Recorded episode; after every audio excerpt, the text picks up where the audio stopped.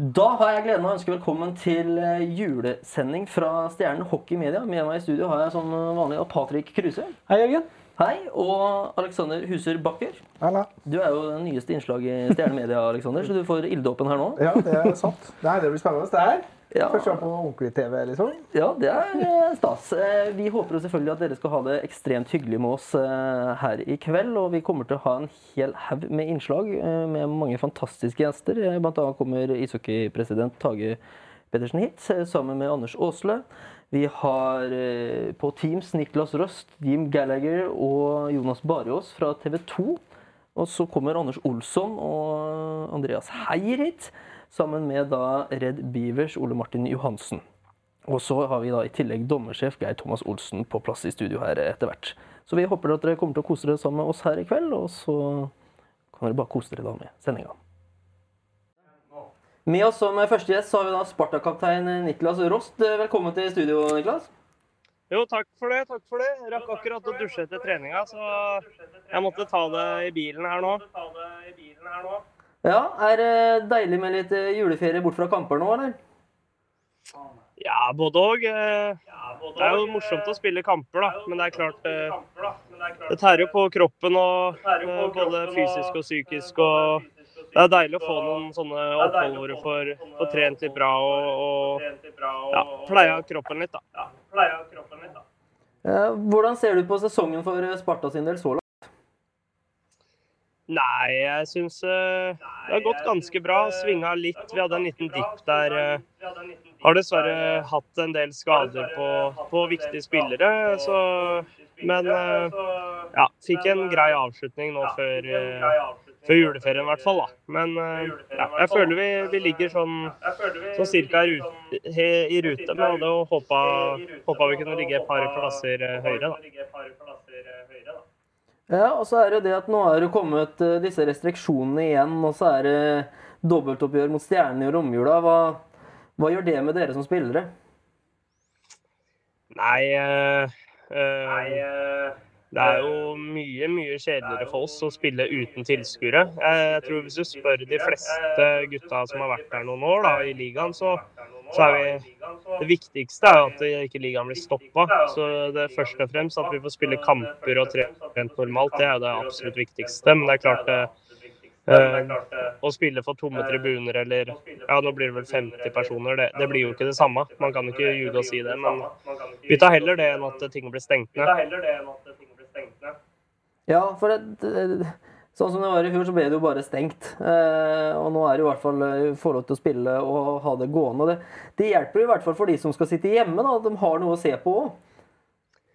Ja, det er klart. Jeg tror det er viktig for folk òg at de ikke stenger ned idretten. Og, øh, ja, hvis det blir lange dager hjemme for mange, kanskje med hjemmekontor og eh, Da er i hvert fall deilig å ha, få litt spenning i hverdagen med idrett og ja, at man eh, Når eh, det er begrensa med å kunne gå ut på restauranter eller uteliv eller eh, konserter eller hva det måtte være, da, så har du i hvert fall eh, noen spennende hockeykamper eller fotballkamper å se på hvor du kan slenge noen meldinger da, til en kollega eller noe sånt.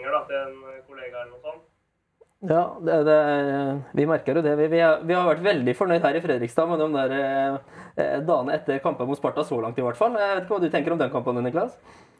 Nei, Jeg skjønner at dere har vært fornøyd. Vi har, vi har ikke vært eh, like fornøyd, for å si det sånn. Vi gjorde en grei kamp eh, hjemme mot Stjernen eh, eh, i Amfin. Og så hadde vi rett og slett eh, en veldig dårlig dag på jobben, eh, og Stjernen var veldig gode eh, sist vi var i, i Fredrikstad. Så skjønner at dere er mer fornøyde enn oss, for å si det sånn.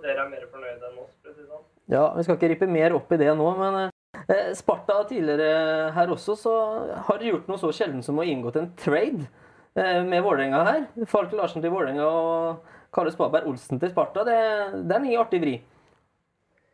Ja, det er jo ikke hverdagskost i, i, i norsk hockey, så akkurat hva som har foregått uh, på bakrommene der, skal ikke jeg legge meg for mye opp i. Men uh, det er i hvert fall uh, Da har vel klubbene funnet ut at eh, Eller også spillerne for den, den saks skyld, da, at de trenger en, eh, et miljøskifte. og det er litt ulike spilletyper, da. Og kanskje eh, vi tre mangler kanskje litt eh, kreativitet og offensivt fremover, da. Og Vålinga har eh, kanskje når de har fullt lag og hva de har mulighet til å hente på importsida, så ser de kanskje at de mangler litt, litt bredde og og trenger de egenskapene som Falk Larsen tilfører et lag, da, med hardt arbeid og, og en, en, lagspiller med bra fart. Så jeg tror eh, forhåpentligvis så kan det være bra for begge spillerne og bra for begge lagene. Da.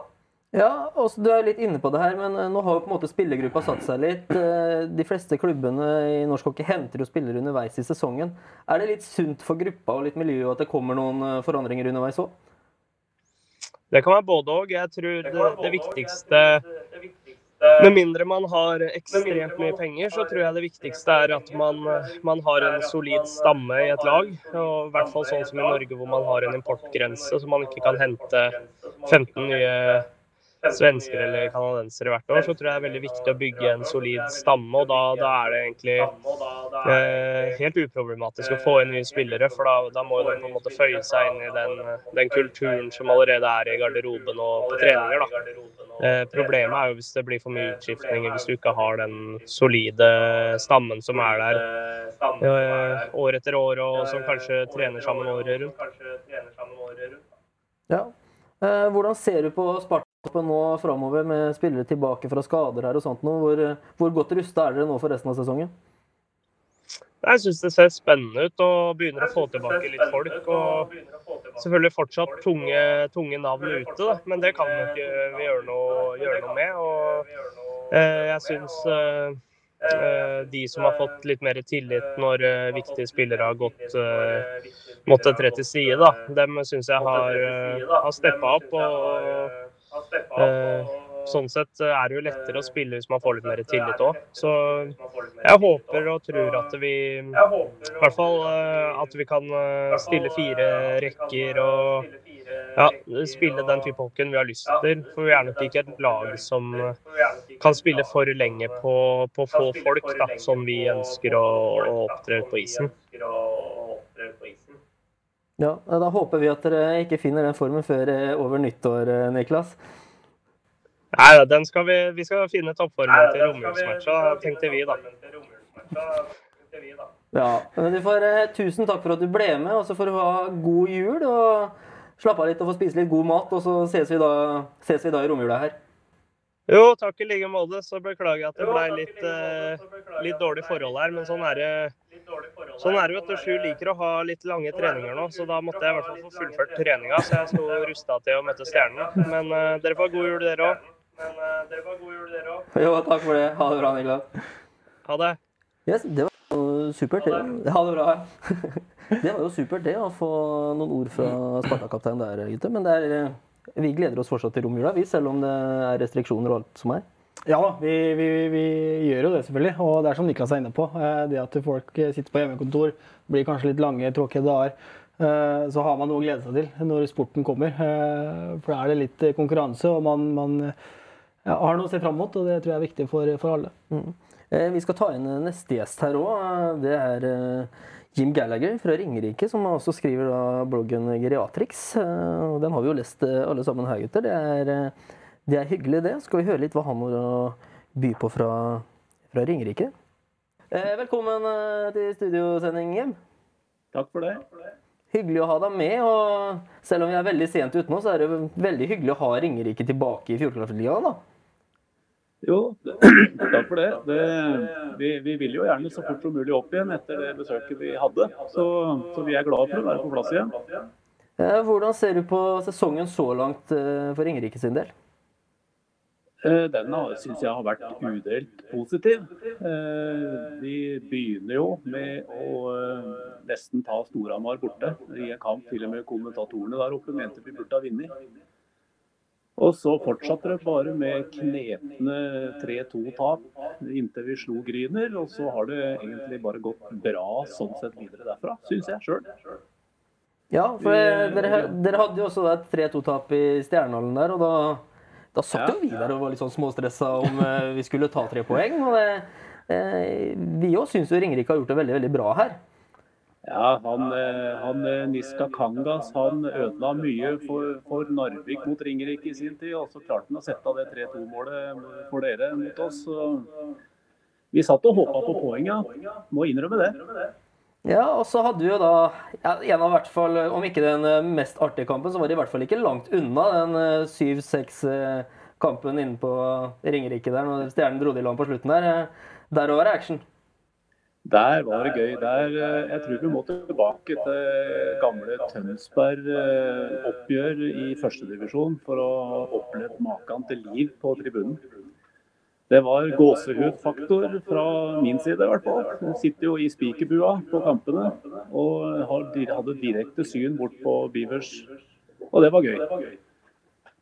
Ja, altså, Hva eh, betyr det når så store, stort antall bortesupportere kommer på kamp? da? Hva, hva gjør det for, eh, for dere? Altså, altså Sjongshallen er jo en, en intimhall. Med, altså det er plass til 1700, eh, men er det 1000, så føles det ut som det er fullt. Og når det da kommer folk som lager liv og lager trykk, så blir det en kjempeatmosfære. Og så driver jo vi da og vi i sekretariat og klubben og lærer oss å lage mer og mer liv med storskjerm og hele pakka. Så det, det Stjernen var med, eller det Red Beavers var med på den dagen, det var, det var grådig moro. Eh, kan jo opplyse om at mora mi er vakt i hallen, og hun fikk seg en svingom med en Red Beavers styr på 7-7. Nei, på 6-6, mener jeg. Så han, han, var fornøyd. Ja, det var god stemning, da.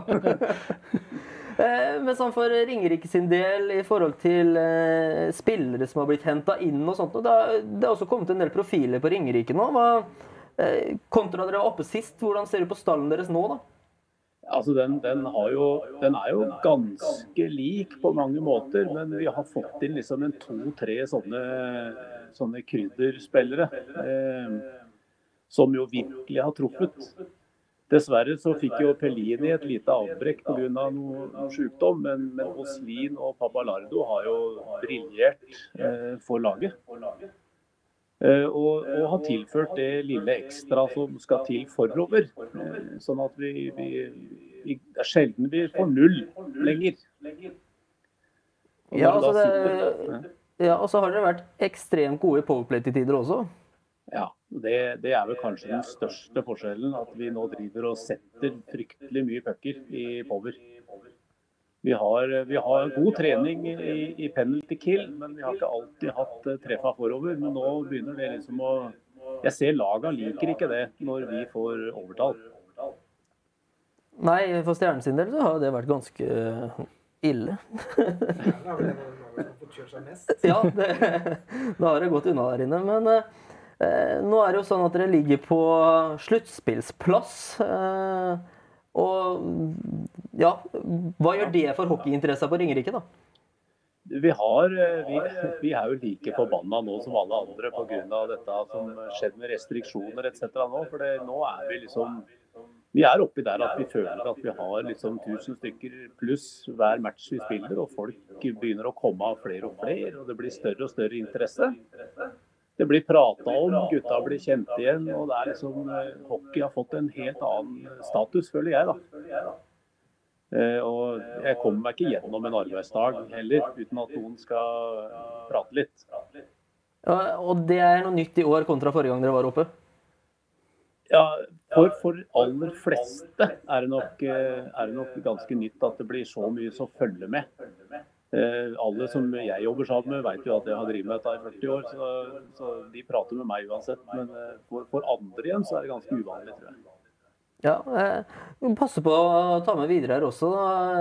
Jeg var jo inne på Ringerike sjøl og ble, ble, ekstremt godt tatt imot. For jeg skulle få et wifi-passord. og da ble jeg dratt rett inn på kontor og ble servert kaffe og vaffel. og eh, Superhyggelig at kom å, folk kom for å dekke match der borte. Så det er bare å ta med seg. Veldig hyggelig å komme til Ringerike hjem. Ja, vi, vi har fått, fått, beskjed om det, og det, vi, vi, jobber jo konstant mot det. og Nå begynner jo hallen å bli god og varm. eller altså Sommertemperatur er det jo ikke, men 15-16 grader er bedre enn de tre det var før. Ja, så, så det å bli jeg, jeg syns det var veldig behagelig å være der nå. Så Jeg ja. leste det på bloggen din nå, at du var litt ute mot eh, både den ene og andre der eh, i forhold til temperaturer. Du har rett nå, Jim. Det er ikke noe tvil om det. Jeg, jeg prøver å ta han Barjås og disse gutta i skole når de prater om at de har kjeledress og termovotter i hallen, og det slipper slipper de.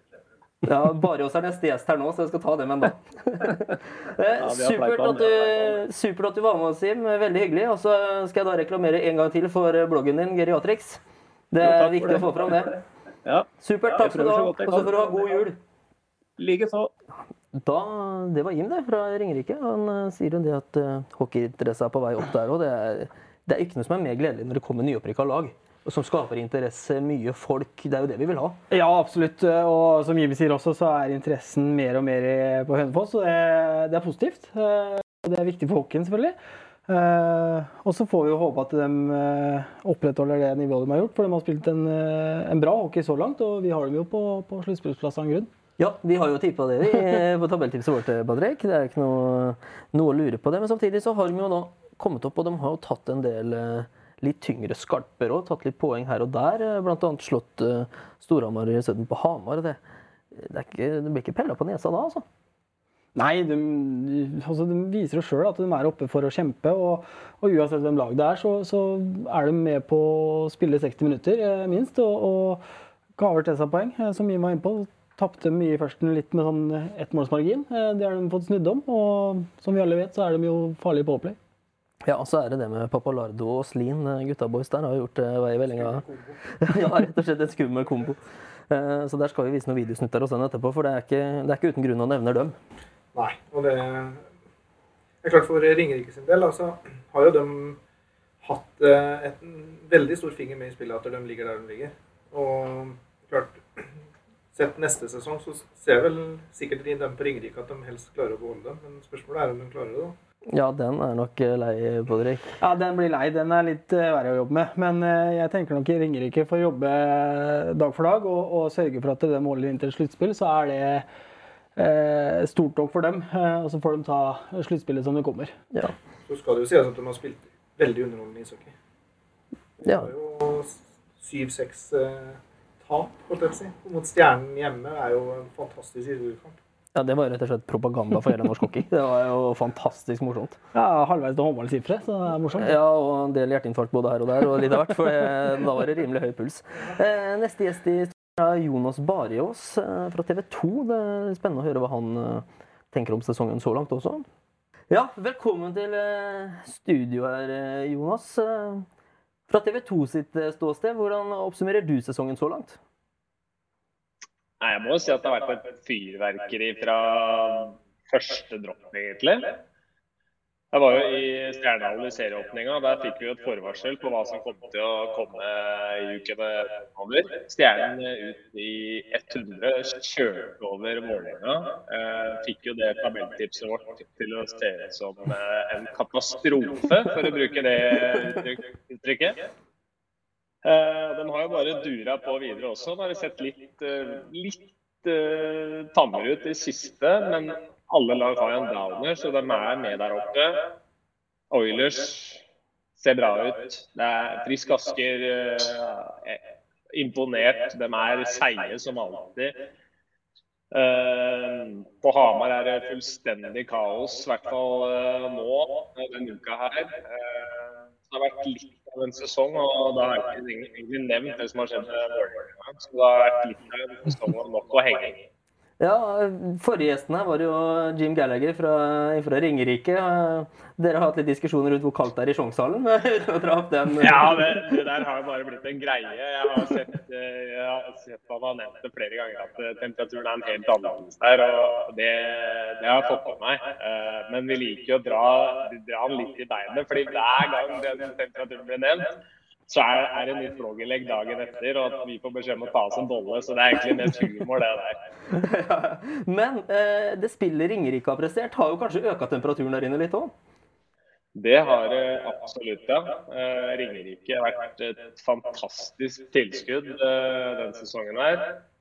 Jeg må jo si jeg ble jo sjokkert at de, de rykka ned sist gang de var oppe. For jeg syns den hockeyen de spilte gjennom sesongen der da var Altså det, det lukta ikke noe nedrykk av det, selv om de ikke fikk med seg like mye poeng. Nå har de fått inn mer krydder, som dere har vært innom. Eh, Pappa Lardo har vært helt fantastisk. Eh, bakerst mellom stenga så har eh, keeperen også seg noen hakk. og Virker som han har lært mye av uh, første sesongen i, i, det som da var Gateligaen. En tur ned, blitt litt mer moden og så lært seg litt mer om hva det dreier seg om nå. Så det har vært fantastisk uh, å se Ringerike også. Ja, Du nevner jo da Papalardo som en profil på det laget. Hvis du skulle på en måte lage litt på sparket her nå, en sånn uh, topp fem-liste over spillere som har imponert deg mest, hvem vil du dra inn på den lista? over spillere som har imponert meg mest. Så, fordi da må jeg styre unna kanskje de toppene som man forventer liksom skal være, være helt oppe i toppen. Uh, spillere som David Morley. Jeg må jo bare få sagt at Patrick Thoresen stadig imponerer meg måten han klarer å bære hele Storhamar uh, med tanke på det de har vært gjennom. Men Papalardo er absolutt inne på den lista der. Eh, de som følger hockeypodkasten til oss i TV 2 og, og, hører på det jeg Jesper Bjørn snakker om der, så, så, skjønner man kanskje at vi, vi har jo en forkjærlighet for uh, norske spillere, og vi er glad i å se unge spillere som leverer veldig bra. Kristoffer uh, Karlsen i Stavanger Oilers er selvfølgelig en av de som har levert best. Ole Einar Engeland Andersen har vært imponerende, selv om jeg syns det egentlig er mange norske gutter i stjernetroppen å, å trekke fram også. Uh, Faye Nestavik mellom stengene på Frisk Asker vært helt eksepsjonell der. Ja, han har jo vært ekstremt god mot stjernene, i hvert fall. Det, det har ja. vi fått merke. Ja, det er ingen som savner Dalberg der akkurat nå. Så vet jeg også at de har klart å forlenge den utenlandskontrakten til Anna Lien. Så, så, det ser ikke ut som at Dalberg skal spille mye hockey med det første. Hva fikk dere nå?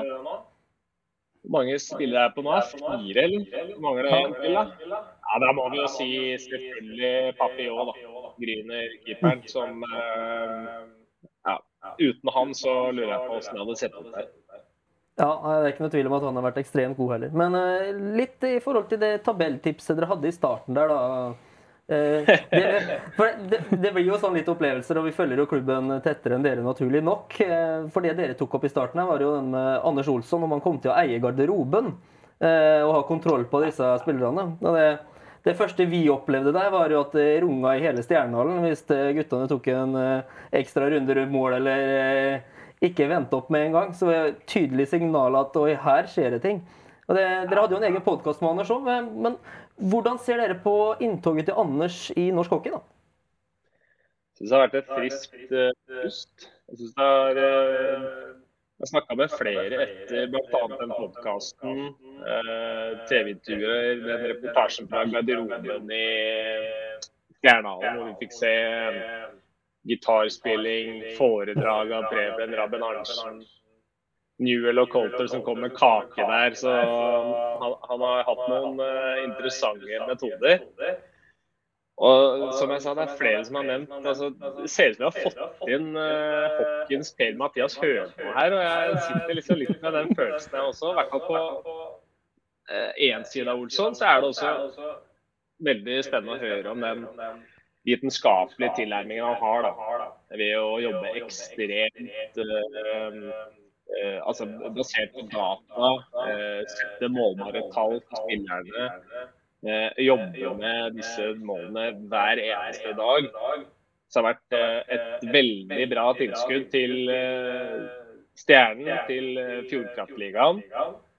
Jeg må si at han har imponert ekstremt mye. Og det er morsomt å se at han har klart å få såpass orden på det stjernelaget. Og så skal han selvfølgelig spille fast få honnør for den innsatsen de har gjort. For dem, eh, det er mange der som har eh, vært bra. Ja, eh, og så har vi litt sånn der oppfordring. Vi er jo inne på diverse forum og leser litt og får litt spørsmål og sånne ting. Nå, nå som det blir restriksjoner igjen, dessverre. Er det nå mulig å få spredd kampene på litt ulike klokkesletter, så det går an å få sett flere kamper i helgene og sånn, eller? Ja, vi har jobba med det. Vi har satt opp nyttår, så, så, blir det flere tirsdagskamper. Eh, vi sprer tidspunkter på lørdager, og vi sprer hvis det f.eks. finnes to kamper på søndager, så prøver vi også å spre det også. Så jeg bare legger til at vi Altså, Ligaen er ikke det profesjonelle den er. Eh, det er eh, folk som har eh, andre jobber, det er folk som skal få en hverdag til å gå opp. Så det er ikke alltid vi banker gjennom et ønske, selv om vi kan gjøre det. Eh, og hvis klubbene har eh, et arrangement på en eh, torsdag vi ønsker å flytte kampen til en tirsdag, så, så lytter vi selvfølgelig til de tilbakemeldingene vi får fra klubbene. Men eh, som dere er inne på, det kommer til å være mer spredning i kamptidspunkter over nyttår. Ja, Det er gledelig det, gutter. Ja, og Jeg er jo helt, helt, enig, helt enig med dere og alle andre som sier at det gir ikke mening at Sparta og Stjernen skal spille mot hverandre samtidig som Lillehammer og Storhamar. Så har det vel vært litt sånn, i hvert fall på forum og sånt, noe ting, på eller sosiale medier òg, at dere, dere har samla alle toppoppgjørene i én runde. Eller alle ja, ja. Nå skal jeg ta, det, det, er ikke vi som setter opp terminlista, men det er helt riktig det du sier. at det, det er eh, Kanskje ville vært gunstig å spre disse derbyene og de mest interessante kampene litt mer utover. Og så er det deilig med sånne scooter-lørdager eller torsdager innimellom, men det trenger ikke være det hver gang. Nei, men det er jo For da, da har vi på en måte romjula til det, da. Og så kan vi spre det eh, utover resten. For det er sånn som det er serieåpning, og så kommer runde to, da, så har du Storhamar-Lillehammer, Frisk Vålerenga og så Stjernen Sparta. Da, eh, og når de da går på likt i tillegg, så blir det det, det, er tungt for oss som liker hockey da, å ikke få sett alle kampene. Ja, ja, det skjønner jeg veldig godt. Jeg, jeg, er helt enig med dere. Hadde jeg ikke sittet i TV 2, men skulle fulgt med på dette helt fra utsida sjøl, så hadde jeg, hadde jeg, hengt meg på dem som eh, meldte det. ja. eh, men eh, hvis vi tenker på nå kommer det restriksjoner og sånt, det er jo det er jo greit nok. Det er kjedelig, men hvis vi tar bort ifra det, hvordan ser du på resten av sesongen nå? Nei, altså jeg må jo si at uh, Mitt største ønske er at vi i hvert fall får fullføre. Uh, jeg håper ikke situasjonen eskalerer sånn at noe blir stengt ned. Ok, Vi tåler kanskje en liten pause hvis vi bare for guds skyld får lov til å gjennomføre sluttspillet. Men så må jeg si at dette produktet her er ingenting uten tilskuere på tribunen. Altså. Det, er, det er noe helt annerledes. Um, for dere som ser på, så er det det å være til stede i hallen. For oss som kommenterer, så er det det å ha stemningen fra folk og høre de som uh, tar fullstendig av på en scoring eller mister hodet totalt på en uh, feilpakning i egen sone. Det, det hjelper oss kommentatorer med å gjøre en bedre jobb også. Så jeg håper ikke disse restriksjonene kommer til å vare for lenge, selv om jeg ikke vet hvor optimistisk jeg tør å være rundt akkurat det. Nei, eh, vi krysser fingrene for at vi i hvert fall får lov til å spille ferdig, som du sier. Det er jo mm. pri én nå, så får vi håpe at publikum kommer tilbake så fort som mulig. Eh, ja. Tusen takk for at du var med i studio, Jonas. Så får du ha god jul. Jo, takk det samme til dere, og takk for at jeg fikk eh, være med. Supert. Takk skal du ha. Oh, det gledes å høre at uh, det blir spredd litt uh, kamp... Uh... Vi har blitt hørt. vi, vi, har blitt hørt. Vi har blitt hørt ja. Nei, det er jo, som jeg er inne på, det med å kunne se litt flere kamper på forskjellige tidspunkt. Du ser jo bare Premier League, hvor det er hele lørdagen så går det jo fra stort sett klokka ett og utover til ni på kvelden. Eh, man sitter og ser, og det er det man ønsker her også, så tror jeg det bare er positivt eh, og, og riktig løsning, i, i, hvert fall i første omgang. Ja, altså Nå har jo jeg som ser alle kampene, eh, og jeg syns det er fryktelig kjedelig da å måtte se alt i opptak. For det å se en kamp du vet resultatet på fra før, da er det litt lettere når det da er, er ferskt, for å si det sånn. Helt jeg, ikke, jeg ser ikke alle kampene, men jeg pleier å Når det er pause i Stjernen, så hopper jeg ut det nest mest interessante oppgjøret. Ja, den, den, hadde vi jo forrige gang her. når det var, eh, Da snakka vi på hverandre, ja. på hverandre, faktisk, med hverandre på telefon og sånne ting. Og det, de gjør litt det. Ja. Så du hva som skjedde i den kampen? Altså, ja, absolutt. Sånn er det. Men uh, neste gjest nå er da Geir, dommersjef Geir Thomas Olsen, som har kommet på vei inn i studio her uh, etter hvert her nå. Det blir uh, trivelig, det òg. Ja, dommersjef Geir Thomas Olsen, velkommen til studio. Tusen takk for det. Det er ikke hver dag vi har en sjef her, si. det vet ikke jeg. Det er hyggelig å være her. Ja. Eh, fra ditt perspektiv, hvordan ser du på sesongen så langt? Det var veldig godt å komme i gang igjen. Eh, det har vært en god sesong. Spennende. Mye spennende resultater, får jeg si. da. Vi, jo, vi er jo i alle kampene, og det gjør jo ingenting for uh, for oss alle at det er litt, uh, litt uforutsigbare resultater. Ja, altså uten å gå inn på enkeltklubber og sånne ting. Men det, er, men det er jo morsomt som nyopprykka Ringerike har overraska mange. Stjernen er helt i toppen. Det er veldig mange år siden sist. Mm. Det, det, er jo med på å skape litt interesse òg. Absolutt. Uh, ja, vi, vi, fordeler jo en dommergruppe over uh, over alle kampene i gitte perioder ved dommeroppsettet. Det, det, har ikke vært så lett å toppe laget alltid på rett sted. Nei, for det, det jo, vi har jo hatt Ove Lytke inn i podkast og sånn tidligere her. Han har jo snakka litt om det at uh, de går jo og ser på kamper de får og, og sånne ting. Og det, det er som du sier nå når eh, Vi snakka med Jonas Barås her også, at når man da har Lillehammer-Storhamar, Stjernen mot Sparta og Vålerenga mot Frisk i samme runde, Åssen eh, tenker dere da når dere skal sette opp eh, de para? Det er vanskelig. uh, nei, det er, det er som uh, Du kan nesten overføre det til et hockeylag. Du har, uh, du har en svær gruppe, og, og, der har du rutinene. Du har unge dommere. du har egentlig De er jo rangert. Og vi prøver jo å sette det tyngste skytset dit hvor det gjør best nytte. Men som du sier, da, når eh, de dagene kommer hvor alle de vanskelige oppgjørene er, og i tillegg noen er på jobb og noen er sjuke, så det er noen spennende runder, ja. Det det. Eh, altså, hvor lang tid setter du opp kamper i forveien? og sånt? Hvor lang tid får dommerne på å forberede seg her? Ja, vi prøver å gi dem eh, lengst mulig tid ved å dele opp sesongen i fire. Eh, og så så har hver, del, hver, av de fire delene har litt sånn forskjellige elementer hvor sluttspillet skal vi avslutte med, med, de beste. Mens i starten så skal jo også de, de yngste og minst rutinerte få testes litt ekstra, sånn at vi òg lærer litt om dem. Og dem lærer mer om ligaen.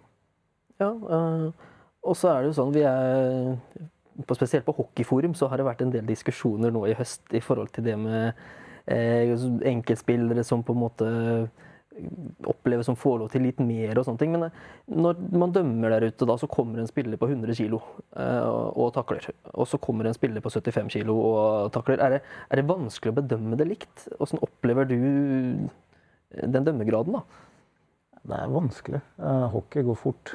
og når du får inn ujevne spillertyper, vekt, høyde og det der, så, så, får du jo ekstra parametere inn i bedømmelsene som i hvert fall ikke gjør det enklere.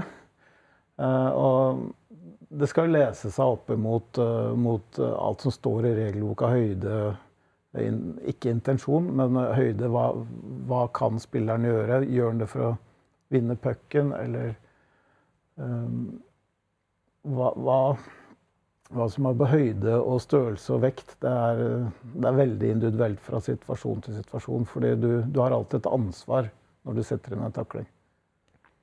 Uh, ja, men sånn nå skal jeg berømme de som stiller en del spørsmål der inne, både for å nevne dem òg, uh, som kaller seg for Slasher, og en som kaller seg for Tigeren. De har, de har lurt veldig på det her i forhold til Eh, bedømminga da, av situasjoner. Eh, så vil jeg gjerne ta et eksempel da i forhold til den kampen som var i høst mellom Sparta og Frisk Asker.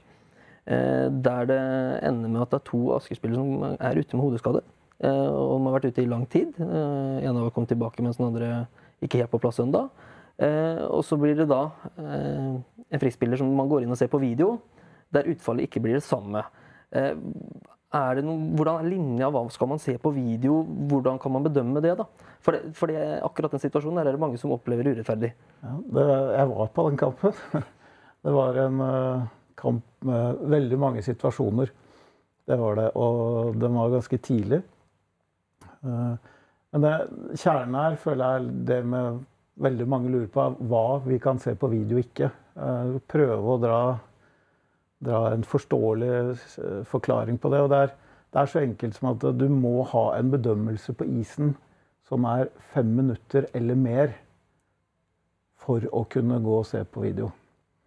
Eh, det vil si at hvis det er, eh, dommeren bedømmer det til en to minutter albuetakling, så kan du ikke gå og se på video. Har du da fem minutter, fem og liten eller match, så kan du se på video. Du kan opprettholde eller redusere. Eh, du kan ikke slette.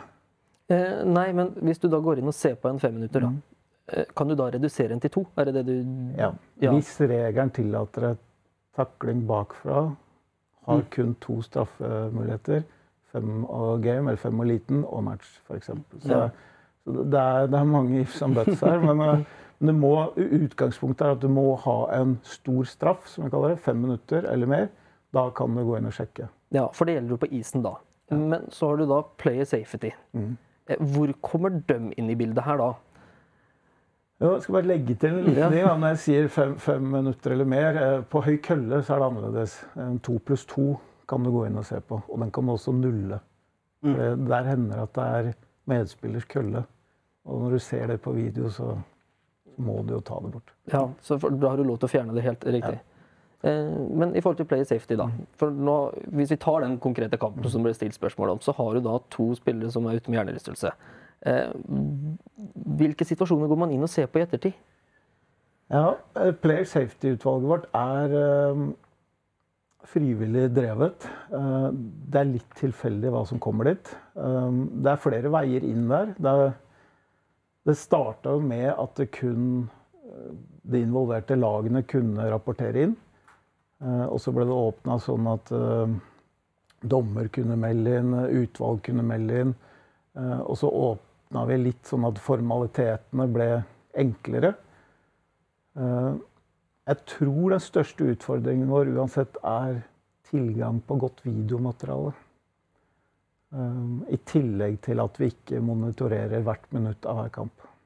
Ja, for det, det er den der tilgangen. Du har, la oss si det TV 2-kameraet, da. Det er, det er det vi har å gå ut ifra. That's it. Ja, men i forhold til det, det har vært en del hodeskader i høst. Hadde det vært på en måte en idé også, dersom det blir eh, konstatert hjernerystelse, da, hadde det vært mulighet for å sende inn alle de situasjonene, f.eks., for, eksempel, for å bare se på det For å få det bort, da. Ja, det hadde ikke vært meg imot det. Eh, Det det her er vel litt sånn valg ligaen må ta. Tenker jeg. Hvor, hvor hardt skal ligaen kjøre på for å få bukt med en utfordring? Det, det er jo ikke bra. Ingen liker eh, skader.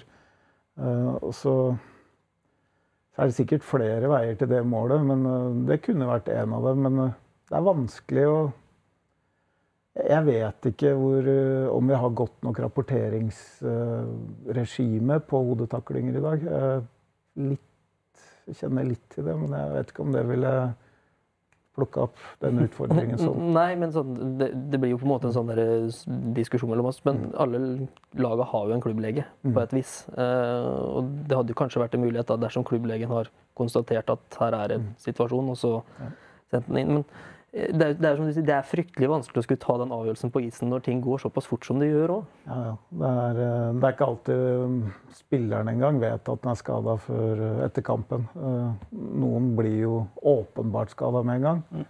Mens andre får det jo dagen etterpå kanskje, eller senere. ja, det er- litt farlig å måle etter skade, men, men jeg skjønner poenget ditt. Og kanskje vi må, den gå, må gå den veien en dag. Mm. Eh, og siden du også er i studio til Stjernen nå, da, så har jo vi en situasjon som vi eh, har eh, Det har vært mye diskutert i høst. Og straffeutmålinga, den er grei, den er ferdig, det skal vi ikke rippe opp i. Men kan du fortelle litt om hvordan gangen er? Jeg tenker på Asbjørnsens situasjon, der han krasjer med. Eh, hvordan er gangen i det? Kan du fortelle litt om hvordan den går? I alle disiplinærsaker eller matchstraffer så, så er det en dommerrapport som på en måte er Det er essensen. Der starter saken. Eller saken blir pådømt. Skrives rapport. Det går til disiplinærutvalget. Eh, Den er eh, hovedkilden, på en måte. Og så skal video eventuelt bygge opp under den. Og så kommer det tilsvar fra lagene. Eh, Og noe mer enn det har vi ikke, men veldig ofte så er video og dommerrapporten eh, veldig i samme bane. Men eh, kan jeg bare si Asbjørnsen-saken så hadde vi én videovinkel. Eh, ikke veldig god.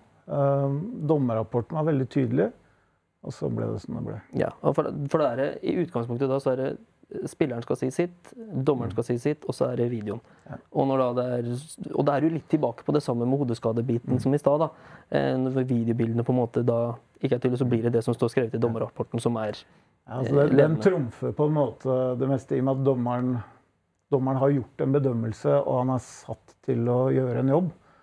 Eh, Så den, den veier nok tyngst. uten at Jeg, jeg sitter jo ikke i disiplinærutvalget, men eh, jeg jobber ganske tett på dem, så jeg vet dem eh, De er ganske nøye på å følge den, og det har litt med hvordan det her skal henge sammen til slutt. da. Eh, nei, sånn- For vår del så er det jo fint å få litt sånn diskutert det, vite hvordan ting fungerer òg. Ja, det tror jeg alle setter pris på. Eh, Det er mange som klør seg i huet innimellom og lurer. Og, og som vi har sagt tidligere, det sitter mange dommereksperter på tribunen også. Men når du får litt svar på det, så tror jeg det er lettere for mange. Og så får man vite det, og så tenker man kanskje litt over situasjonen neste gang. Ja, og Vi har jo diskutert det litt i det livestudioet vårt òg, Patrick. De første ti kampene i år eh, som Stjernen var involvert i, så snakka vi omtrent ikke om dommerne i det hele tatt. Eh, og det er jo sånn det skal være. Det, nei, ja, ja, men det, eh, det hjelper jo selvfølgelig når laget vinner òg. Det er alltid lettere å skylde på dommeren når resultatene ikke går helt riktig vei. Men eh, hvordan syns du dømminga har vært eh, generelt så langt? Jeg må si jeg er fornøyd. Um, vi er jo våre største kritikere. Um, jeg tror ikke det er så mange som kjenner det indre livet i si, dommerfamilien. Um, de tror vi møter opp, dømmer, drar hjem, og så er vi Det er ikke noe mer. Men jo, vi har, vi har en coach på nesten hver kamp i Fjordkraftligaen. Eh, Vi bruker video ganske så mye der hvor vi har tilgang til gode nok bilder til de situasjonene vi trenger. Trenger ofte litt større perspektiv enn eh, enn det kanskje en eh, supporter ønsker. Så vi, vi bruker video mye, og vi søker jo etter perfeksjon. Eh, Perfekte kampen tror jeg ikke kommer, men, eh, men vi må ha et mål. Eh, Sånn som dere var inne på her i stad, coachen til Stjernen har konkrete mål. Vi, jeg tror vi har løfta oss ganske mye de siste to, tre, fire måla, eh, åra. Sammen med noen eksterne kilder vi har brukt for å, for å ta nye steg. Da. Og så, og så syns det nok ikke så fryktelig godt utad. For når vi, som du sier, når vi gjør det godt, så, så er vi bare der. Uh, og det syns jeg er greit. Ja, ikke sant? Eh, for der vil jeg også da si at Vi har jo en podkast eh, med Ove Lytke der han snakker litt om det med kompensasjonsdømming. At man ikke kompenserer, men at man eh, prøver å skal dømme rettferdig for begge lag. Så at begge lag opplever kampen som rettferdig. Og i år så har det stort sett vært ganske bra, altså. Ja, jeg, jeg syns det har vært veldig bra i år. Eh, og det er som Geir Thomas sier, at det, med kameraer og vinkler og sånne ting, så er det kanskje ikke så lett å få med seg alt. Eh, jeg tror ikke det er mange eh, altså Vi har jo gutter sjøl som sitter og ser på hockey. Eh, jeg tror ikke det er mange som sitter hjemme og ser på en NHL-kamp for å se på dommeren. Nei, som ser etter læringer der, ikke sant? Det er jo, Man ser jo på de gutta som eh, spiller pucken. ja. Jeg har et spørsmål. Ja. Nå har fått inn en ganske merittert svenske. Ja. Markus Winneborg. Og har det hatt noen påvirkning på, på gruppa? Positivt? Ja, det Jeg har ikke noen målinger på det, men, eh, men eh, Markus har jo kommet inn som et veldig friskt pust. Han, jo, han er jo Europas desidert mest erfarne dommer. Um, han har jo NHL, han har NLA, han har SHL, han har VM-finaler. Så selvsagt så Oppleves han som på en annen måte på isen enn de norske? Tror du det? Han har jo vært i større ligaer med en annen profesjonalitet blant spillerne enn vi har. Eh, Så han eh, brukte nok litt tid på å bli kjent med dynamikken hos oss. Eh, Det er forskjell på Sidney Crosby og en spiller i tredjerekka i et norsk fjordkraftligalag på, på alle måter, på godt og vondt.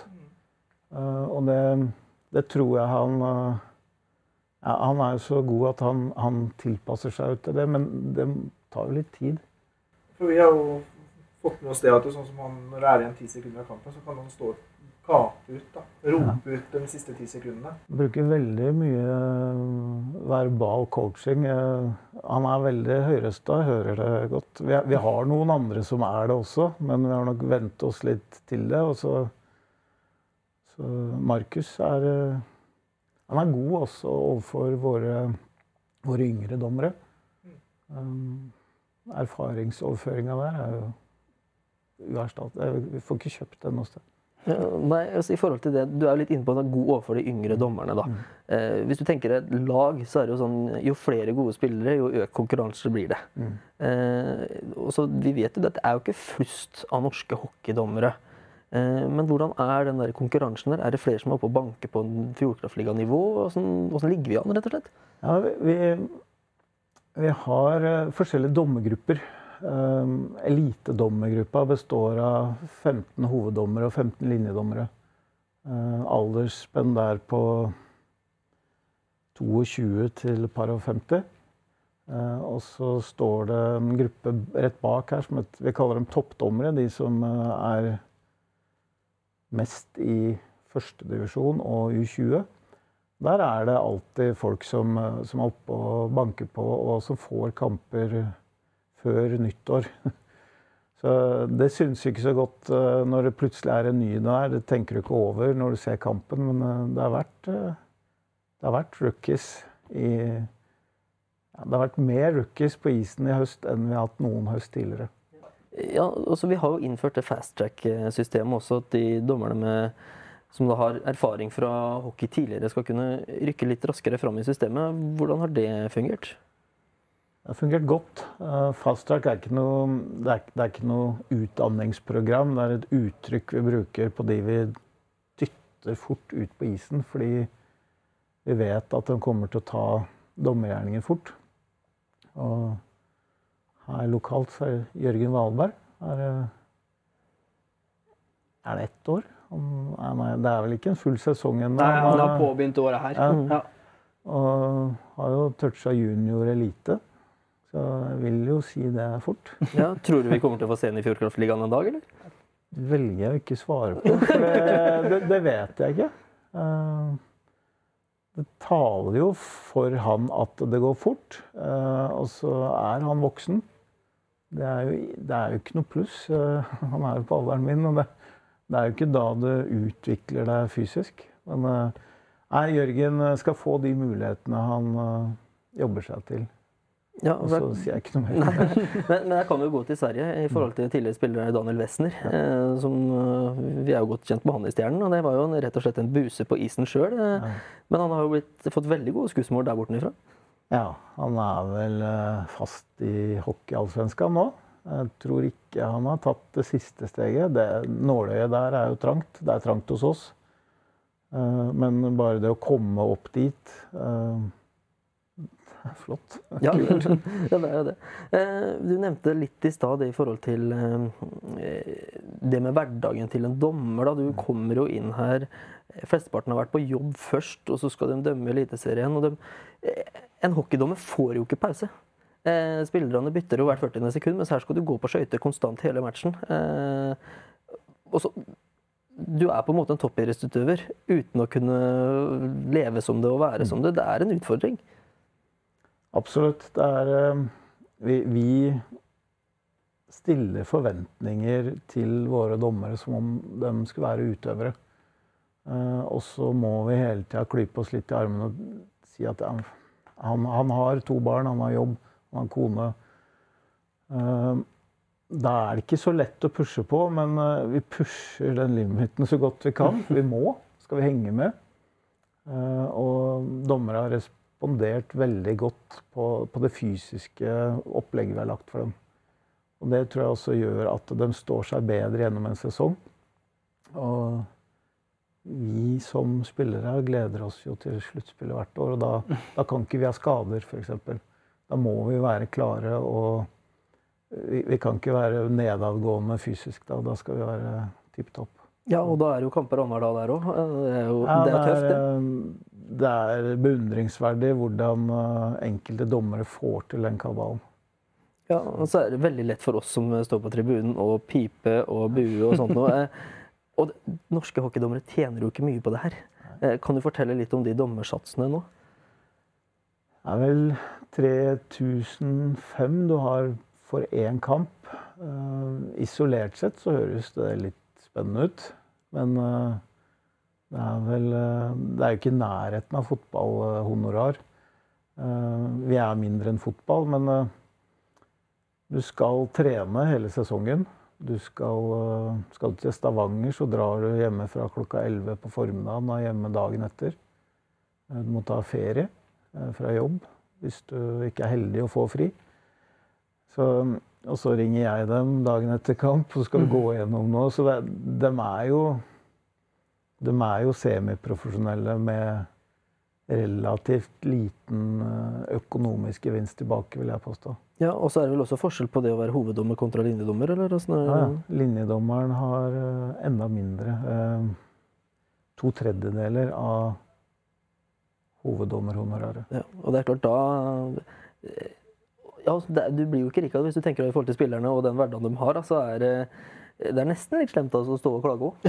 ja, absolutt. Det, koker jo fort når, når man tror at dommeren gjør feil. Men uh, eh, all ære til de dommerne som er ute der, og som Gert Thomas sier, flyr til Stavanger, tar litt fri fra jobben. Eh, og så står du i 60 minutter og blir PP på, og så pakker du bagen og rusler. Ja, og likevel så stiller de opp når vi da skal snakke med dem etterpå. Så det, Men, eh, men det at det er stemning og at en pip, eh, publikum eh, var innom, Dere var innom her tidligere. eh, At det er stemning, det, det vil vi jo ha.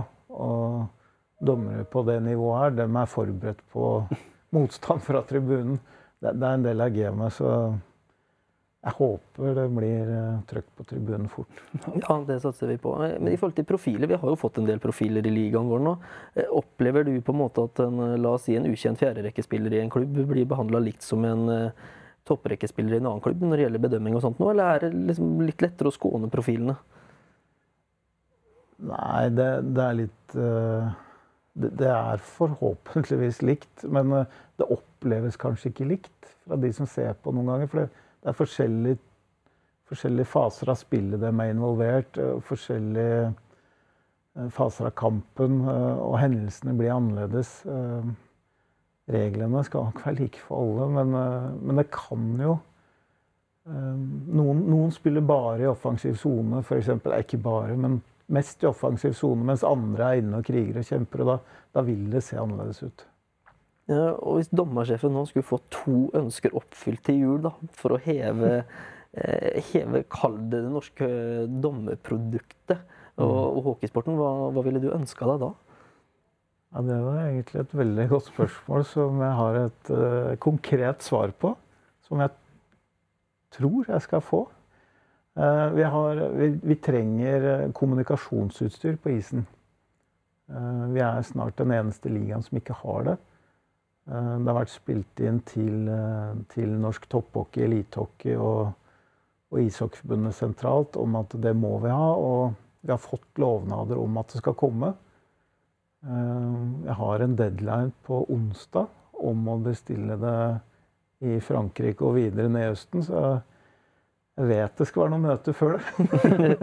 Så å krysse fingrene for det, for det er rett og slett at dommerne kan snakke sammen uten å måtte gå bort til hverandre. og den biten. I dag så er det nesten nødvendig for å fremstå som god og effektiv. Ja, ja, jeg, ja, det er andre ønsker og vi. så er det da veldig enkelt å legge på arenalyd ut der, da, sånn at vi kan annonsere goal interference f.eks. Ja, for det har jo vi savna. Eh, hva var han blåste for nå? Eh, Ja, det, det, det er jo bare å koble det her videre opp mot P-anlegget. Men eh, det, er, eh, det, det, er, det er det ene ønsket jeg har. Det er det ene ønsket. Eh, du var litt inne på mitt ønske i stad i forhold til det med kameraer. da. Mm. Eh, bedre kameraer så vi kan plukke opp ting. For eh, jeg vet jo at Olsson her eh, var rimelig oppgitt etter den offside-avgjørelsen i Stavanger. Og sånn, Hadde vi hatt bedre kamera og hatt mulighet for en sånn slags coaches challenge-bit, så hadde jo det vært unngått. Og, det er klart, Vi ønsker jo å komme dit, vi òg, men det koster jo ekstremt mye, da. Ja, det er vel eh, 22 kameraer i sving.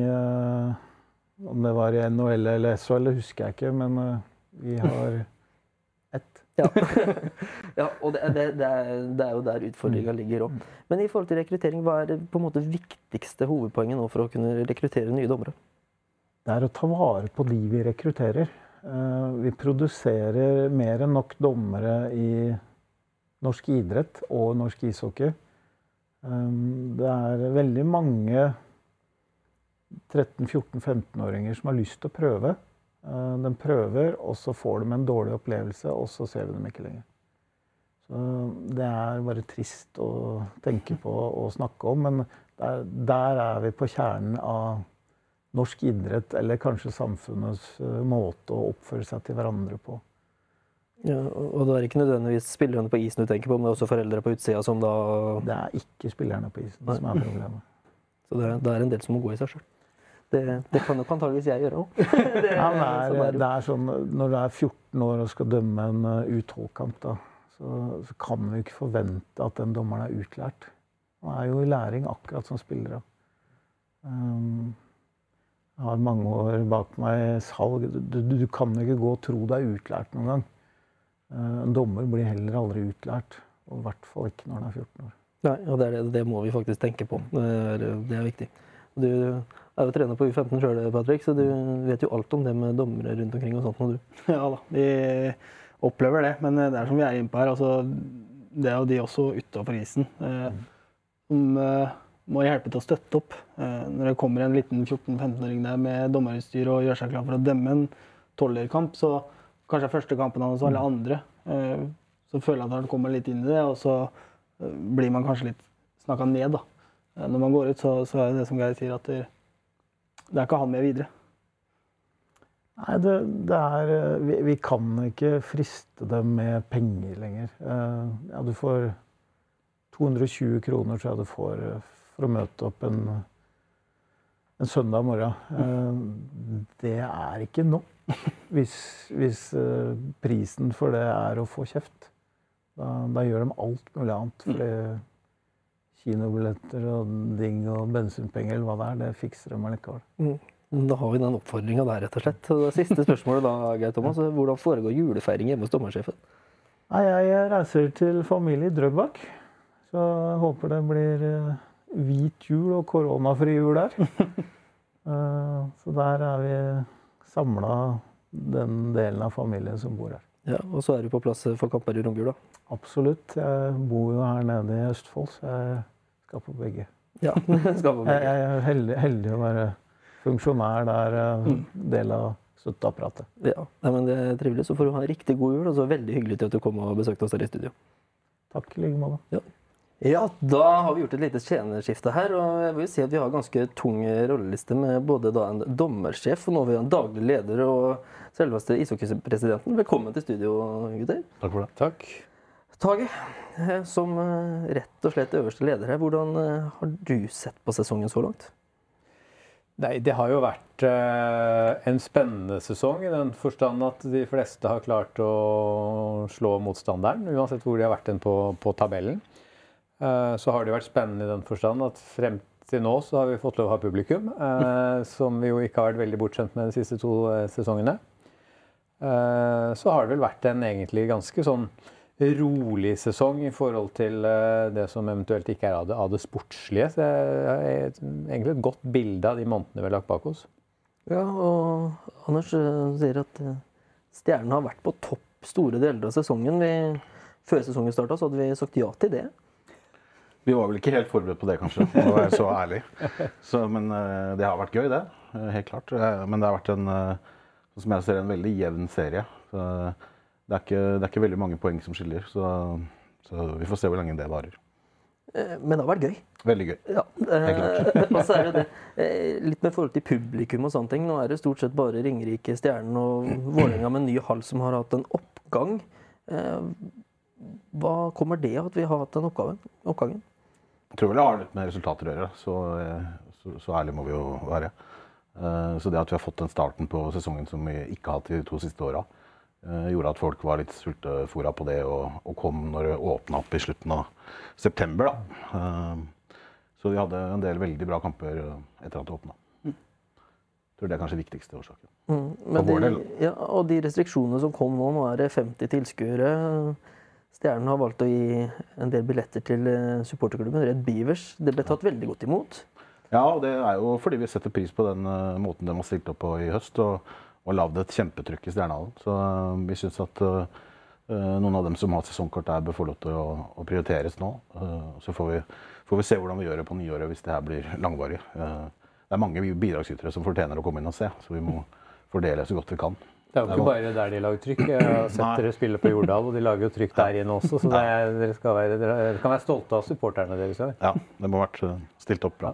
Ja, Vi kommer til å ha litt innslag senere her òg som går litt på det med Beavers. For den, den støtta der, Patrick, eh, det har rett og slett vært ordentlig morsomt å være på kamp eh, for tida. Ja, absolutt. Og du hører jo både Anders Olsson, hovedtrener, og guttene på isen sier jo det sjøl. De legger jo stort merke til det. Kjempefornøyde på, på hjemmeis. Og, og når Beavers blir med på borteturer, mobiliserer, drar av gårde et par busser, og så er det full jubel på, på tribunene. Det er, det er morsomt. Eh, Men for deg da, i rolla som daglig leder, når du da får eh, først eh, beskjed om restriksjoner, ja, nå går vi ned til 600, og så går det noen dager, og så er det nå 50. Eh, Hvordan går man fram da for å liksom finne ut hvor mange billetter vi skal gi hit og dit? For 50 er jo nesten ingenting. Da er vi egentlig heldige i så måte fordi vi ikke har noe kamp før i romjula.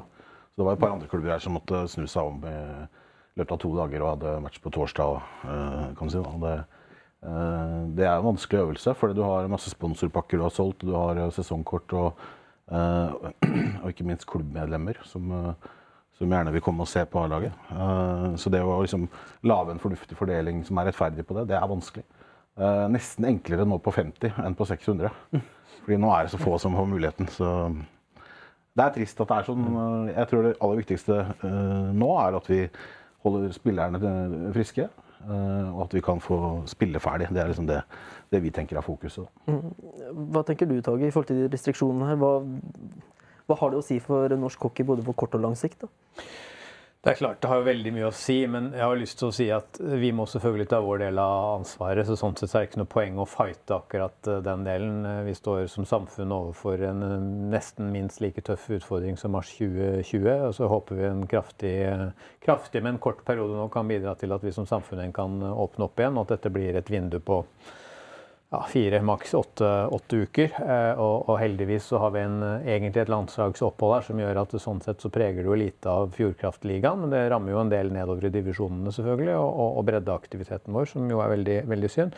Men det er klart som idrett så tåler vi jo ikke en eh, sesong til som blir avkorta. Nå har vi lagt to sesonger bak oss som vi bare får spilt eh, deler av. og Norsk ishockey fortjener å, å kunne få gjennomføre en full sesong og kåret vinnere på ordinære måter eh, denne gangen. Eh, Så ser vi også i forhold til spørsmålet i stad om publikummere, at eh, selv om det har vært åpent i noen måneder nå, før det stengte ned igjen, så, så er det allikevel en del som kvier seg for å gå på kamp. Akkurat som folk kvier seg på, for å gå på konserter og ganske mye annet. For selv om samfunnet er åpna, så bor det en frykt i veldig mange av oss som tenker at mange hundre eller tusen mennesker sammen er ikke kanskje det vi gjør akkurat nå. Så det tror jeg vi også lider litt under i forhold til at publikumstallene denne høsten har vært lavere enn det ideelt sett skulle, skulle, skulle ha vært. Men, men jeg håper at vi midten, slutten av januar senest er i gang igjen med normal drift ut sesongen. Ja, og det som er positivt, eh, er jo at TV 2 har jo sagt her at de kommer til å spre eh, tidspunktet på kampene litt eh, når det er såpass store restriksjoner. At det blir forskjellig kampstart. sånn så publikum som er hjemme, får sett flere kamper, i hvert fall. Det, det, er jo, det er i hvert fall noe som er positivt med det. Eh, for hvor viktig er den eh, muligheten til å se norsk hockey på TV? Det er jo kjempeviktig. og jeg må jo si Den avtalen vi underskrev med TV 2 i, i, i fjor, som, som strekker seg fram til 2030, er jo utrolig viktig. Nå får vi vist Én ting er jo toppen, hvor vi har mulighet til å se alle kampene, men nå har man også mulighet til å se nedover i divisjonene. Eh, selv om det har vært litt tekniske problemer i en del arenaer. Men det er ting det jobbes med som jeg håper, håper løses. Men det er klart i forhold til omdømme, i forhold til markedsverdi, så er jo det alfa og omega at vi får vist oss frem. Og så lenge ikke vi kommer inn i hallene, så er det jo enda mer viktig enn en noen gang eh, tidligere. Eh, så så, så syns jeg også TV 2 er i ferd med å lage et veldig godt produkt rundt Fjordkraftligaen. Og etter hvert også De har vist Bambusa-kamper og, og, og, og, også, så, så og, og kvalifiseringsdamenes OL-kval så viste de også, så det viser jo at de tar rollen som formidler av hockeyen på en, på en god og seriøs måte. Ja, og Du nevner jo Bambusa-ligaen her. Det er jo morsomt at eh, damene også får litt eh, plass i TV-ruta. Hvordan, hvordan har tilbakemeldingene vært i forbundet pga. det? Ja, De har vært eh, veldig positive. Også veldig positivt at vi har fått på plass en sponsor, sånn at vi har fått et navn på, på ligaen. Det fortjener jo damene og jentene i aller høyeste grad. Og Det er klart at eh, det er, nok mange rundt i, i, norske hjem som ikke var klar over at jenter spilte hockey, i hvert fall på det nivået der. Så bare det at man får vist frem dette på, på, på TV, tror jeg er et kjempeløft for jentene på isen, men også for, for rekruttering og for merkevarebygging også for, eh, for, de. Så jeg tror det vil bidra til, til en boost for kvinnehockeyen i Norge. Ja, og det er jo viktig å få den biten. Og vi har jo snakka litt om det, Anders. at I Fredrikstad så har vi et voldsomt problem i forhold til det med istid. Eh, skal noen inn, så må noen ut. Eh, og det er jo, det er jo dessverre situasjonen. da. Stjernen som klubb ønsker å ha damene. Selvfølgelig. Og jeg er helt enig med Tage at det, det, er viktig for å bygge hele norsk hockey. Bare litt tilbake til det, så tror jeg altså TV 2 gjør en bra jobb som formidler, men klubber og forbund har også et ansvar her i forhold til å lage gode stories og, og liksom by på seg sjøl. Eh, fordi eh, eh, det skal være veldig mye bra journalistikk for å liksom finne de rette vinklingene på ting. Så jeg tror klubber og, og folk i norsk hockey kan ta et ansvar i forhold til å spille inn gode uh, vinklinger på, på, saker og ting. For å skyte inn da, før du går videre, Anders. Jeg må jo virkelig si at det er noe klubbene og forbundet har brukt pandemitiden på. Ja. Så er det jo nettopp å bli knallgode på digitale flater. Altså Vi kan alle bli enda bedre, men dette er jo bare ett eksempel. Mm. Uh, jeg vil påstå at Stjernen, ut fra det jeg har sett, er en av de klubbene som ligger helt i toppen på ikke bare på tabellen, men også på, på hvordan dere jobber i sosiale uh, medier. det vi har gjort fra forbundets side, bare egentlig å gå inn og se på Instagram, eh, Twitter og Facebook er nå én ting, men også alt det vi har lagd av treningsopplegg eh, eh, til et nedstengt Norge hvor alt er digitalisert, det er videoer, det er testbanker, alt ligger ute. Mm. Jeg tror Sånn sett så har pandemien medført at vi har tid til å prioritere å bli gode, men vi kan fortsatt bli enda bedre. Ja. og Det blir jo også viktig for oss i studio da, Patrick, sånn, underveis der når det er restriksjoner og sånt, at vi sørger for at publikum får med seg enda mer. og det, det er som du sier, vi må klubbene må steppe opp litt også, mm. for å få folk til hallen. Men det, eh, du var jo også med i denne hockeypoden, Anders. så Det er, eh, det er skrøt av de som Tage sier her, at det har skjedd noe rundt sosiale medier. Det, ja. det er hyggelig å høre det. Ja, jeg syns uh, dere gjør en bra jobb. Og vi har fått på plass en bra gruppe her som, uh, som er i ferd med å produsere ting på et litt annet nivå enn før. Mm. Det, og det er viktig for oss. Vi uh, var helt tydelige på at vi ønska det da vi begynte for to år siden. Uh, og så visste vi ikke helt hvor den veien gikk, men uh, nå er det i ferd med å bli bra. Ja, og så er det sånn at uh, det har jo alltid så er det det med arenaer som blir blussa opp her. Nå er det jo da nye Jordal Amfi. Hvordan, uh, hvordan ser du på den arenaen, Tage? Nei, jeg overdriver vel ikke hvis jeg sier at det er Norges flotteste arena sånn akkurat for, for øyeblikket. Jeg tenker på hvordan den er utforma og kvaliteten på den. Skulle den selvfølgelig vært større og mye som kunne vært enda bedre. Men det er klart Jordal som arena er jo bare fantastisk. Og når vi hadde danskene på besøk nå på OL-kvalet vårt, som vi dessverre tapte, så var de, de var jo bare helt i himmelen når de fikk se eh, hvordan dette var, var, var, bygd opp, og hvilken stand den eh, var i. Men jeg tenker jo som så i forhold til det vi nå diskuterer, og én ting er jo å ha en, en, god arena, men klubbene har jo også et stort ansvar. og Det er for ingen andre enn klubbene som har det, for å bygge opp det produktet inni arenaen. Eh, når man først har fått en arena som, som, som Vålerenga har nå, Asker får det forhåpentligvis åpning i begynnelsen av, av februar. og forhåpentligvis forhåpentligvis etter hvert her nede også. Det er klart, det er bare rammeverket.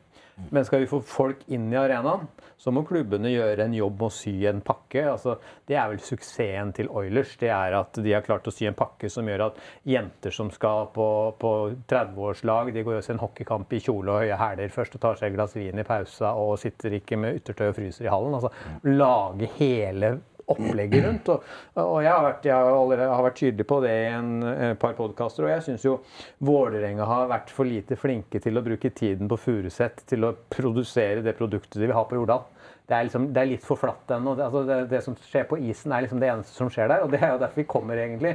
Men, men fortsatt kan det sys litt mer rundt og skape litt mer liv på arenaen. Og det tror jeg er viktig for å få inn grupper på kampene våre som kanskje ikke er der i dag. Da. Jeg tror fremtiden til norsk hockey er ikke nødvendigvis at det er bare supporterne våre som vi er kjempeavhengige av, som kommer, men også at vi i større grad får inn barnefamilier og får inn folk som kanskje til og med reiser langt for å få med seg laget sitt. Eh, du bør ikke lenger enn til Sverige. Du ser Nordmenn kjører jo både 10, og 20 og 30 mil for å få med seg en hockeykamp. Fordi at det, det er bra lag, ja, men det er også et spennende produkt rundt. Mm. Ja, jeg er veldig enig med deg. Jeg var jo inne på Jordal nå sist. Som gikk jo resultatet åt Dundas, Anders. Men eh, greit nok det. Men eh, vi ble jo møtt der inne. Veldig hyggelig eh, arrangementansvarlig som tok oss med med rundt på arenaen, visste oss eh, alt som var. Og når kampen da skulle starte med intro, så forventa du liksom litt fyrverkeri, litt opplegg i en ny hall. Og da var det egentlig bare den kubben som blinka, og så var det ikke noe mer Eh, så der har de helt klart eh, litt å gå på. Eh, Du har fått en fin kube, da. Det skal jeg ha. Den er helt eh, overlegen, det er ikke noe å si. Også, det er jeg helt enig i. Jordal som eh, arena er jo fantastisk flott. Men det, er jo også en arenaplan, eller ny hallplan, som har kommet ut nå. Med ønske om haller i Nord-Norge. Nå ble det vel en ny hall i Sandnes bekrefta her om dagen. Eller vedtatt bygging på den. Hvordan Kan du fortelle litt om den der planen på nye arenaer? Ja, Nå er det ikke én plan, det er vel egentlig mange, mange planer. Eh, eh, den planen du nok sikter til, er at eh, Norges idrettsforbund har nettopp hatt ute på høring en anleggsplan hvor, hvor vi har fått plass til seks ishaller, som vi har spesifisert inn i den planen. Og grunnlaget vårt for, for det arbeidet er at vi ønsker å bredde hockeyen til deler av landet hvor vi enten ikke er i dag, eller hvor er, vi er i, i liten grad. Eh, Og Nord-Norge er selvfølgelig en helt naturlig del av, av det arbeidet. Nå er det jo, er det jo Narvik og, og Tromsø. eh, Så det er klart skal U8-laget eller U12-laget der oppe på kamp, så er det liksom en helgereise for å spille et par eh, kamper. Vi syns det er langt til Lillehammer, men det er kort i, kort i forhold. Og så er det klart at Min ambisjon og norsk ishockeys ambisjon er jo at vi må få trønderne og bergenserne så høyt opp som mulig i norsk ishockey. og Det betyr at de også må ha noen arenaer som gjør at de kan utvikle seg og trekke eh, publikum. Men i tillegg til det så er det jo også steder hvor, hvor vi har haller, men hvor kapasiteten er fullstendig sprengt, som f.eks. I, i, i Fredrikstad. Vi må, må bygge hall nummer to eller tre for å tilfredsstille eh, det ønsket som, som er der.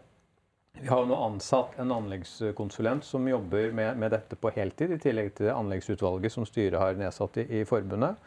Eh, Og nå er det mye spennende aktivitet rundt i mange kommuner. eh, Så han reiser stort sett rundt nå og møter politikere og byråkrater som har ishall på en eller annen agenda. Det er helt riktig, Sandnes fikk det nå inn i langtidsbudsjettet sitt. Det er jo langt fra det til realisering, det vet man alt om i, i, i Fredrikstad. Eh, Jeg pleier å si Det er veldig lett å ha en ambisjon om at vi innen x antall år eh, skal ha så mange halver på plass, men, men i realiteten fra, fra en sped begynnelse til en halv står ferdig, og jeg er jo politiker ved siden av ishockeypresident, så, så går det ja, mellom fem og kanskje nærmere ti år. Så her må man ha et langsiktig eh, perspektiv. Men akkurat nå så jobbes det i flere av byene nede rundt eh, Stavanger. Eh, Det jobbes oppover langs kysten, både i Bodø og, Harstad. Kirkenes, hvor alle vel har fått sitt forhold til hockey etter Kirkenes Puckers gikk på, på TV. Så alle tenker at der oppe er det jo kaldt, så der kan du spille ishockey ute. Men der så vi jo der var problemet at det kom en halvmeter snø hver gang vi skulle spille, når det regner her nede hos oss.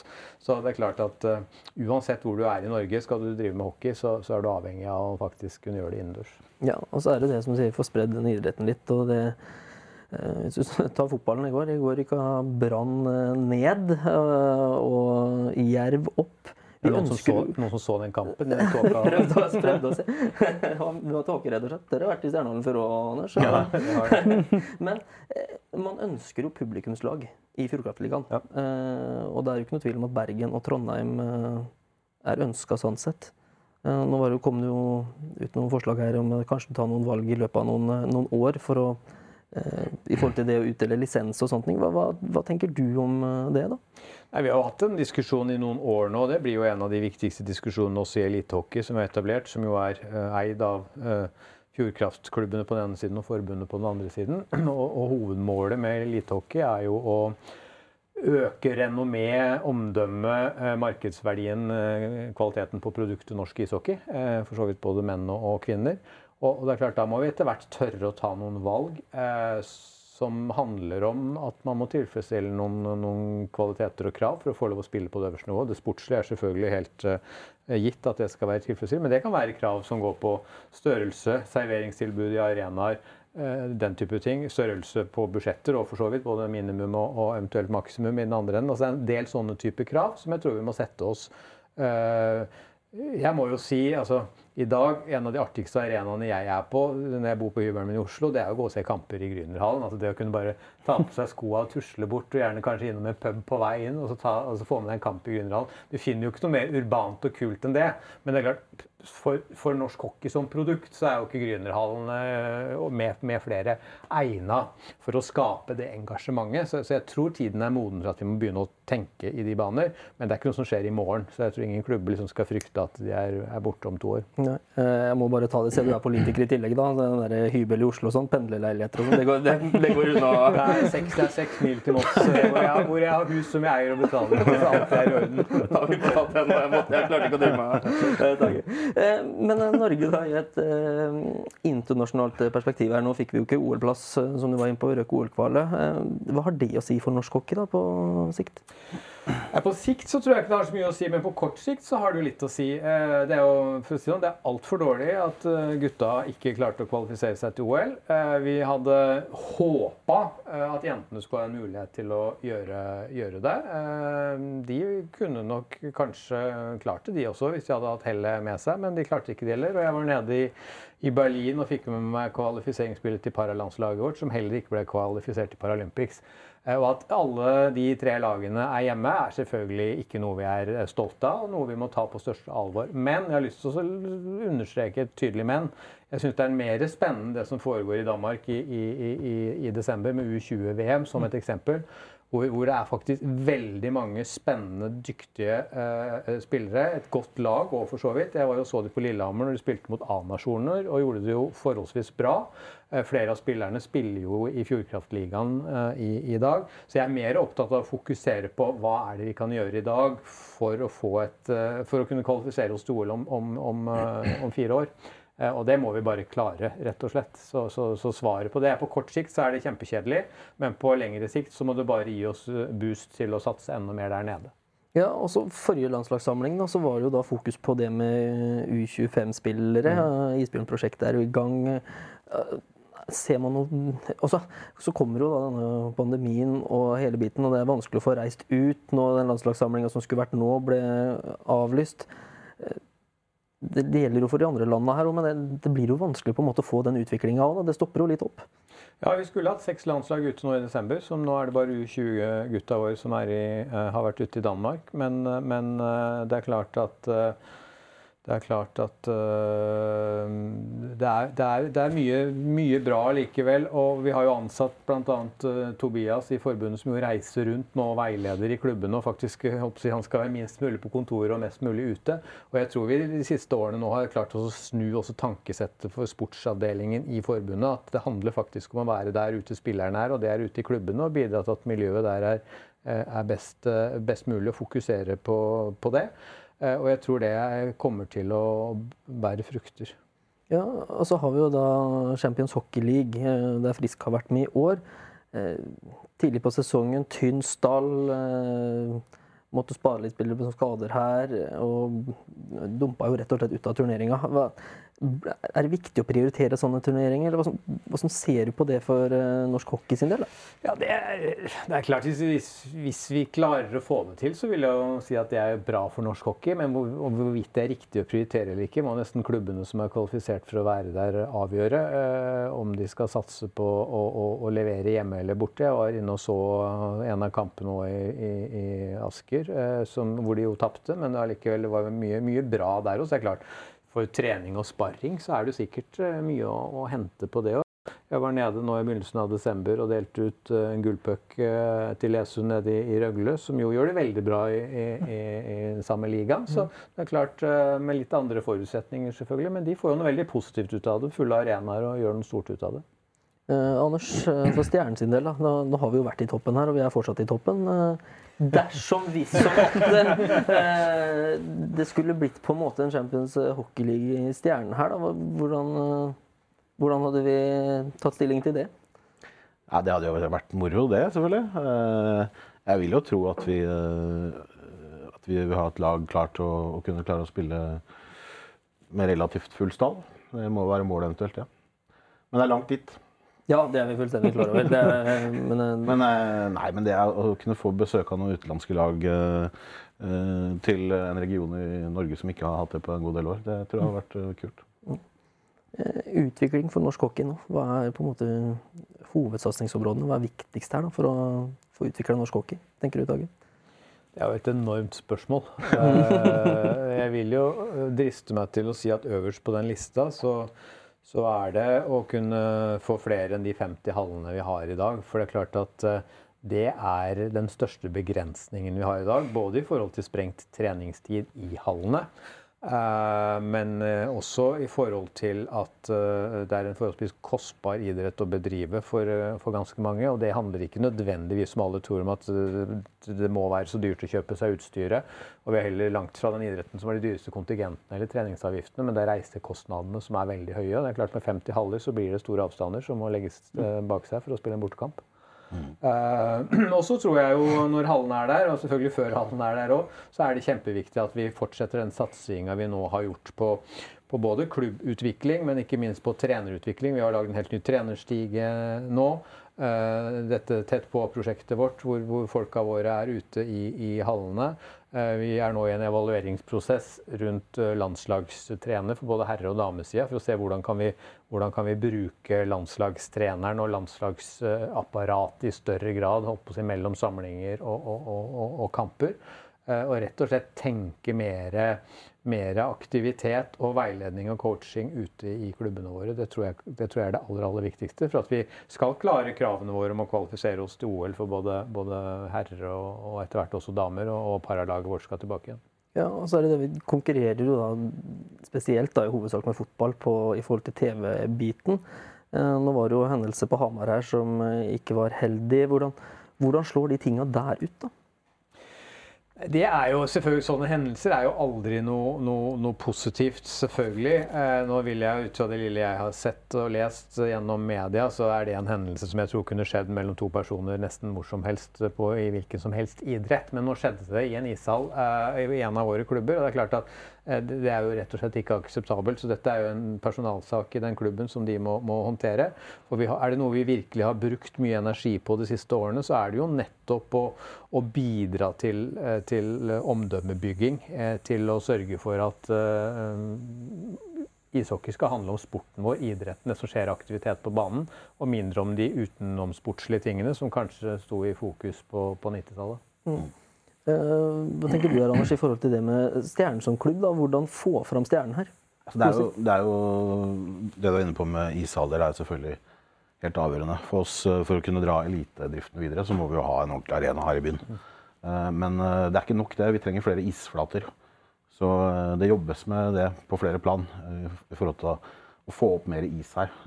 En spiller i Stjernen har i gjennomsnitt mye, mye mindre tid enn tilsvarende i f.eks. Sparta, da, som har to flater. Eh, Så det lider vi av. Ja, for det var jo noen som hadde tatt en sammenligning i hotell til istid i forhold til Oslo-klubbene som har mye istid. Så var det snakk om at en 18-åring i Stjernen har omtrent to sesonger mindre på is. Ja, og da blir det vanskelig på, på sikt. da. Eh, og så tror jeg at, uh, at klubbene uh, Ja, nå datt jeg ut av Ja. Nei, men I forhold til det med å få Stjernen fram. Ja, det er så mye istid, som du Ja. sier, og isflater. Men hva Du sier at det jobbes konkret med. Hva, hva er det som jobbes konkret med? Nei, eh, det er eh, krefter i klubben eh, blant annet, som jobber med, med å se på løsninger for å få opp eh, enkle flater. Eh, Så eh, vi håper å kunne, kunne klare å presentere noe i løpet av eh, neste år. Det er klart at uh, Hvis vi ser på det forrige pandemiåret, uh, kan vi snakke om flere pandemiår dessverre, så så vi at det var to lagidretter i Norge som hadde vekst i antall medlemmer, mens alle de andre hadde jo nesten uh, stup på kurven sin. Og det var basket, og så var det ishockey. Og hvorfor hadde vi vekst? Jo, for det første så var det en veldig god vinter den vinteren, så det var jo kaldt. Og dere var jo sjøl ute med gutta deres og hadde treninger ute på et eh, vann eller hvor det var. Mm. Men poenget var at klubbene dro jo ut og fant jo løkker og, og isvann eh, både her og der. Og tok med seg klubbvimpelen ut og noen køller som folk fikk låne. Og vips så var det jo mange som fikk sett idretten vår som aldri oppsø... Jeg er helt sikker på at det er fryktelig mange mennesker som bor i Fredrikstad som ikke har peiling på hvor Stjernehallen er. Ja. Og hvis de ser hallen, så har de i hvert fall ikke peiling på hva som er inni den hallen. Ja. Så det å komme oss ut og vise oss frem, og det senteret dere har bygd opp ned på verkstedet, er jo også et godt tiltak for å introdusere klubben til deler av byen som i utgangspunktet ikke visste at ishockey nærmest uh, fantes. Så det med å ha enkle flater er jo det aller, aller viktigste for å få opp interessen. Det har vi og sikkert masse andre klubber eh, hatt konkrete planer på. Men så er jo den pandemien har gjort det vanskelig å gjøre det òg, for vi beskytter spillerne våre. ikke sant? Eh, litt sånn tilbake til det med andre også, så tror jeg på at i de, de byene hvor du har ishockeymiljøer, eh, så må man bygge enda sterkere. Liksom, for det er der virkelig tradisjonen og kulturen er der for å produsere spillere. Så jeg, jeg tror å sette opp én ny hall på et nytt sted, det er fint, det. Men jeg tror kanskje i de områdene hvor vi har eh, bra hockeymiljø fra før, så er det ekstremt viktig å, å styrke det enda mer. da. Samtidig så kan vi ikke komme dit at Fjordkraftligaen i 2026 består bare av lag fra Østfold og. Oslo. Nei, ja. Nei, det er helt enig. Nei, men, det er sant, men, det er, men det er jo et problem når eh, lag i en klubb ikke kan få lov til å stille to lag fordi det fins ikke istid. Og da blir det jo at mange spillere da på en måte Ja, men da får de jo ikke spille så mange kamper. og da eh, La oss si at du får spille ti hockeykamper da, i løpet av sesongen. Og så har du da en serie med 24 fotballkamper på sommeren, for det er jo veldig mange av de små som driver med begge idrettene. Så er det sånn, ja, men i hockeyen så spiller jeg ikke så mange kamper, da, da velger jeg å spille fotball isteden. da. Og da, da har vi et frafall her som er, eh, som er tungt, rett og slett fordi man mangler isflatene. Så det, det er nok et godt poeng det å få flere flater eh, rundt omkring. Nei, syns det her var en veldig hyggelig prat, Patrick. Ja, du på du ikke? Jeg setter i gang. Så så ja, jeg er ikke sånn i gang heller. Nei, nei, absolutt ikke. Nei, men Tusen takk for at dere kom i studio. Veldig hyggelig å ha dere her. Og så får dere ha god jul, begge to. Og like så ses vi da i romjula og håper på seier mot Sparta, Anders. kan jeg si, eh, ikke akkurat den kampen, bør jeg ikke si det om, men totalt sett så kan jeg si lykke til. Tusen takk for det. Supert. Takk skal du ha. Bra.